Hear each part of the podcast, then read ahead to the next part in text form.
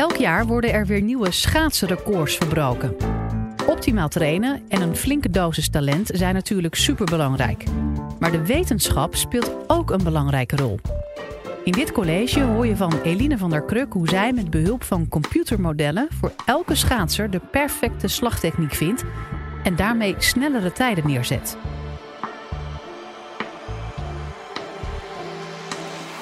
Dit is de Universiteit van Nederland. Schaatsen is natuurlijk onze nationale trots. Want wat hebben we ontzettend veel medailles binnengehaald drie jaar geleden. Zoals hier bijvoorbeeld op de 500 meter. Driemaal oranje. Maar het grappige is, als we naar de vier jaar daarvoor kijken, zag ditzelfde podium er heel anders uit. En dan heb ik het niet per se over dat er andere nationaliteiten op dit podium staan. Maar ik heb het al over dat er zoveel verschillende lichamen op het podium staan. We zien schaatsers met heel veel spiermassa's en ook schaatsers met nog veel minder spiermassa. Het lijkt dus wel zo te zijn alsof er in het schaatsen, alsof de sterkste niet per se de snelste is. En dat je lichaamsbouw niet bepalend is of je wel of niet goed bent in schaatsen. En dat zie je in andere sporten vaak wel. Denk maar eens hoe, aan een startlijn in het sprintatletiek. En er is nog iets bijzonders. Want als we kijken naar de technieken die schaatsers gebruiken, de schaatsstijlen, dan zien we daar ook heel veel verschillende uh, stijlen langskomen. Nou, we zien daar brede slagen, we zien smalle slagen, hele snelle slagen of veel langzamere slagen. En de vraag is nu, als je gaat schaatsen, ja, wat is dan de ideale techniek om te gebruiken? Hoe kan je een topschaatser worden? Wie moet je nadoen? En nu denken wij dat je eigenlijk helemaal geen schaatser na moet doen. We denken namelijk dat de ideale techniek niet bestaat. Maar dat er wel voor elke lichaamsbouw een ideale techniek bestaat. En dat is waar ik naar op zoek ben. Ik ben werktuigbouwkundige, gespecialiseerd in sportengineering en ik doe onderzoek naar de ideale schaatstechniek voor een specifieke lichaamsbouw. Ik probeer meetsystemen te bouwen om schaatsers te meten en ik bouw feedbacksystemen om vervolgens die schaatsbeweging aan te leren aan schaatsers. En ik wil jullie vandaag meenemen in dit college hoe dat nou eigenlijk in zijn werk gaat. Dus laten we eens beginnen bij het begin. Hoe schaatsen we eigenlijk? Uh, want schaatsen doen we wel tot 60 km per uur.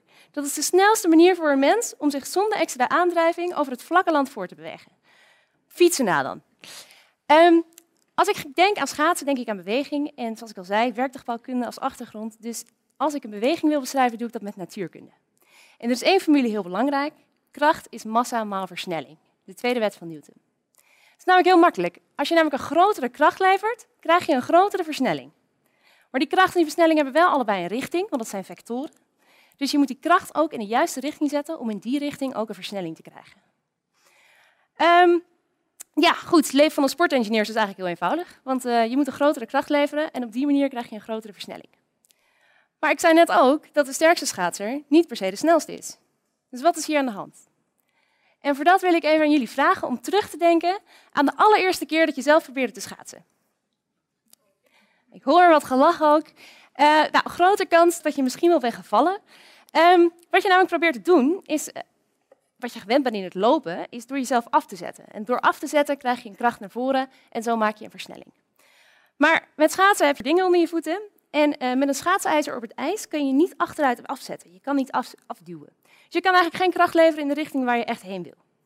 De enige manier om op een schaatsijzer kracht te zetten is dwars op je blad. Maar ja, we weten nu, als je dwars op je blad een kracht zet, dan krijg je dus ook een versnelling die kant op. En je wil eigenlijk naar voren toe. Dus je leert al vrij snel dat je eigenlijk je schaatsers een beetje moet sturen en dat je het diagonaal moet afzetten. Want wat er dan gebeurt, is dat je kracht die je dwars op je blad staat, niet alleen naar de zijkant gaat, maar ook naar voren toe gaat. Zo haal je nog steeds niet de 60 km per uur.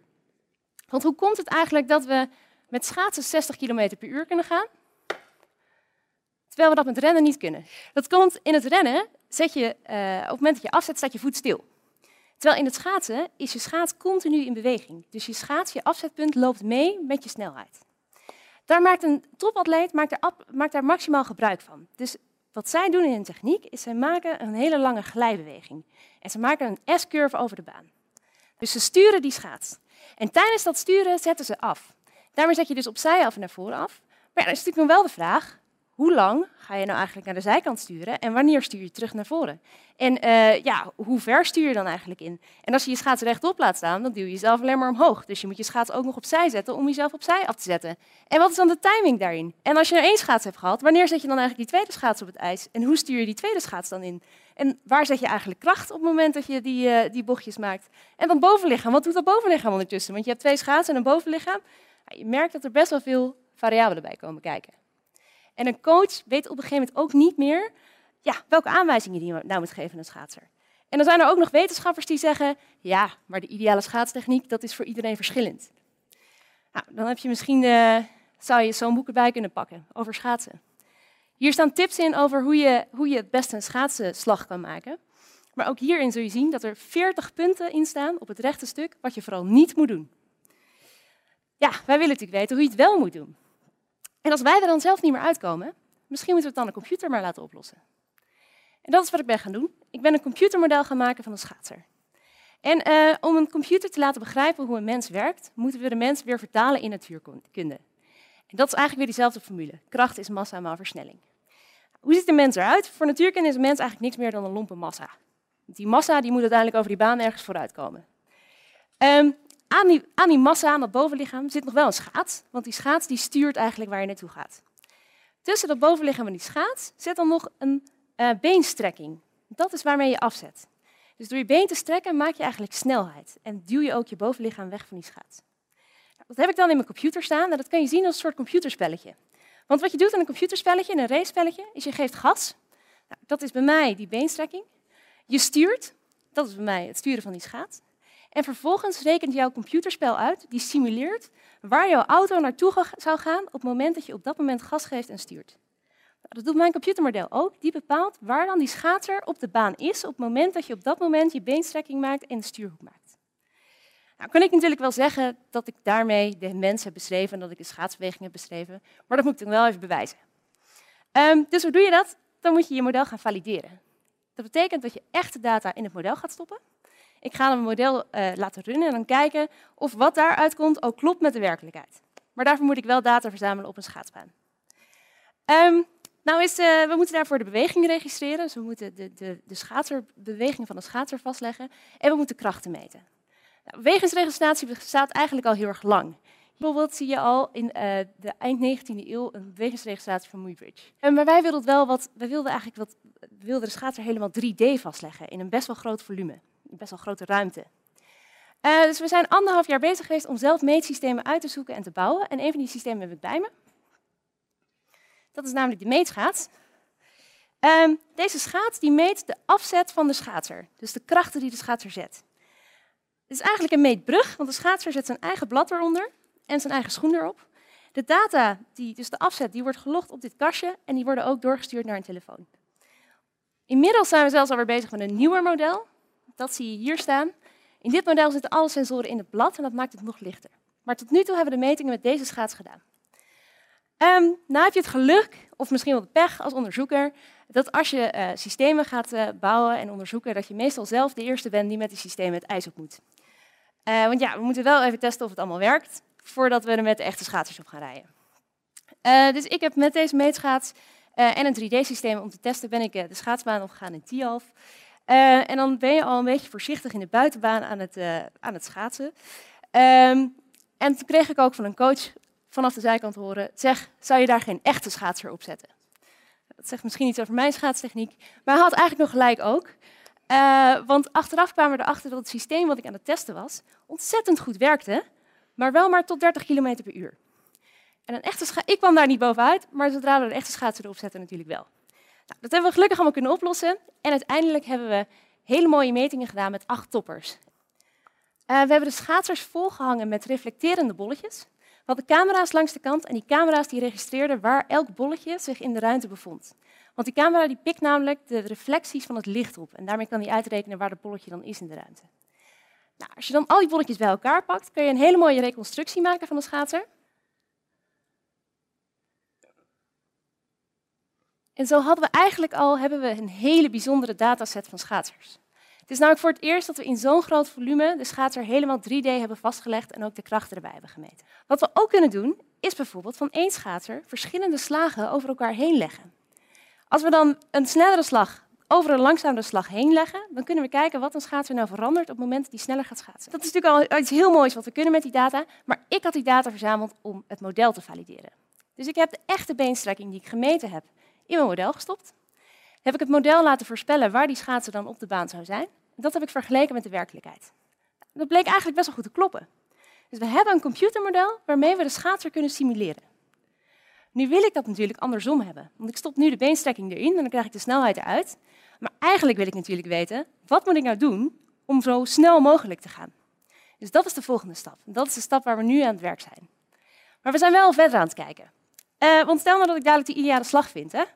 Uh, hoe gaan we dat dan aanleren aan een schaatser? Je moet je voorstellen dat een coach op dit moment eigenlijk maar een heel klein window of opportunity heeft om feedback te geven. Een coach staat namelijk aan het einde van, lange, van, het, van het lange stuk. En die kan er alleen even roepen naar zijn schaatser, diep zitten.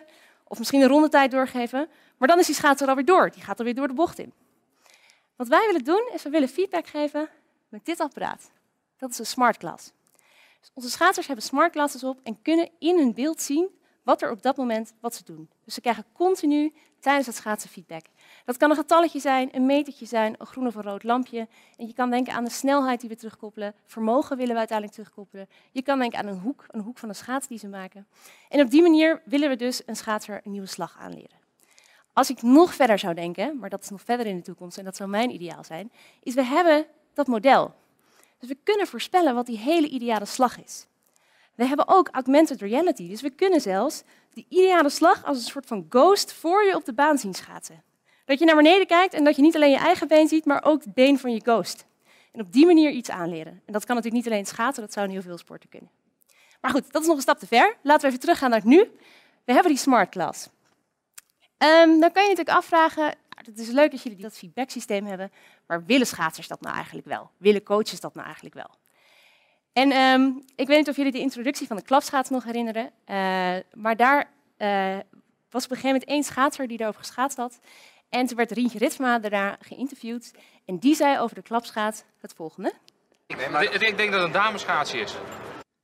Hij zei, ik vind het eigenlijk meer iets voor dameschaatsen. Ik vind het maar een meisjeschaats.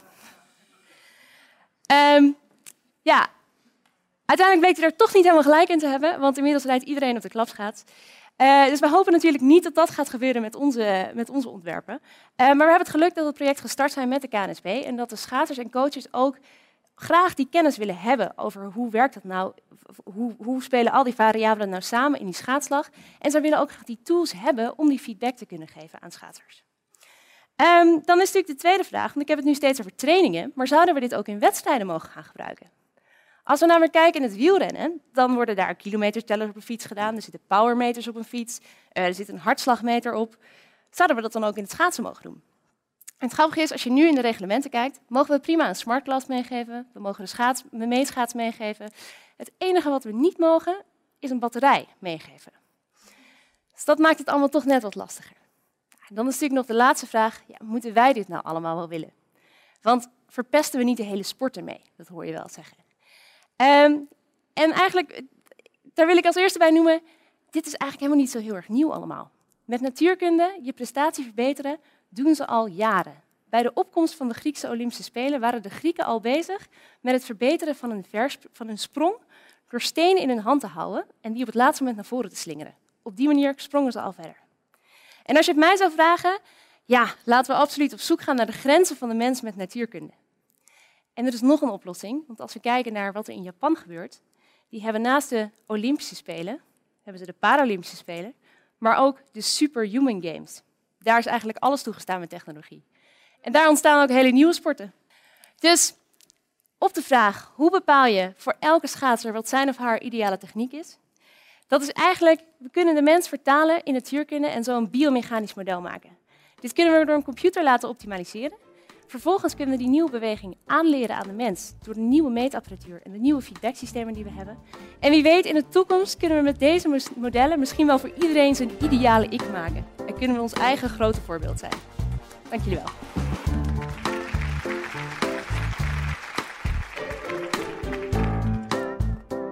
Dit was de Universiteit van Nederland. Wil je nou nog meer wetenschappelijke antwoorden op spannende vragen? Check dan de hele playlist.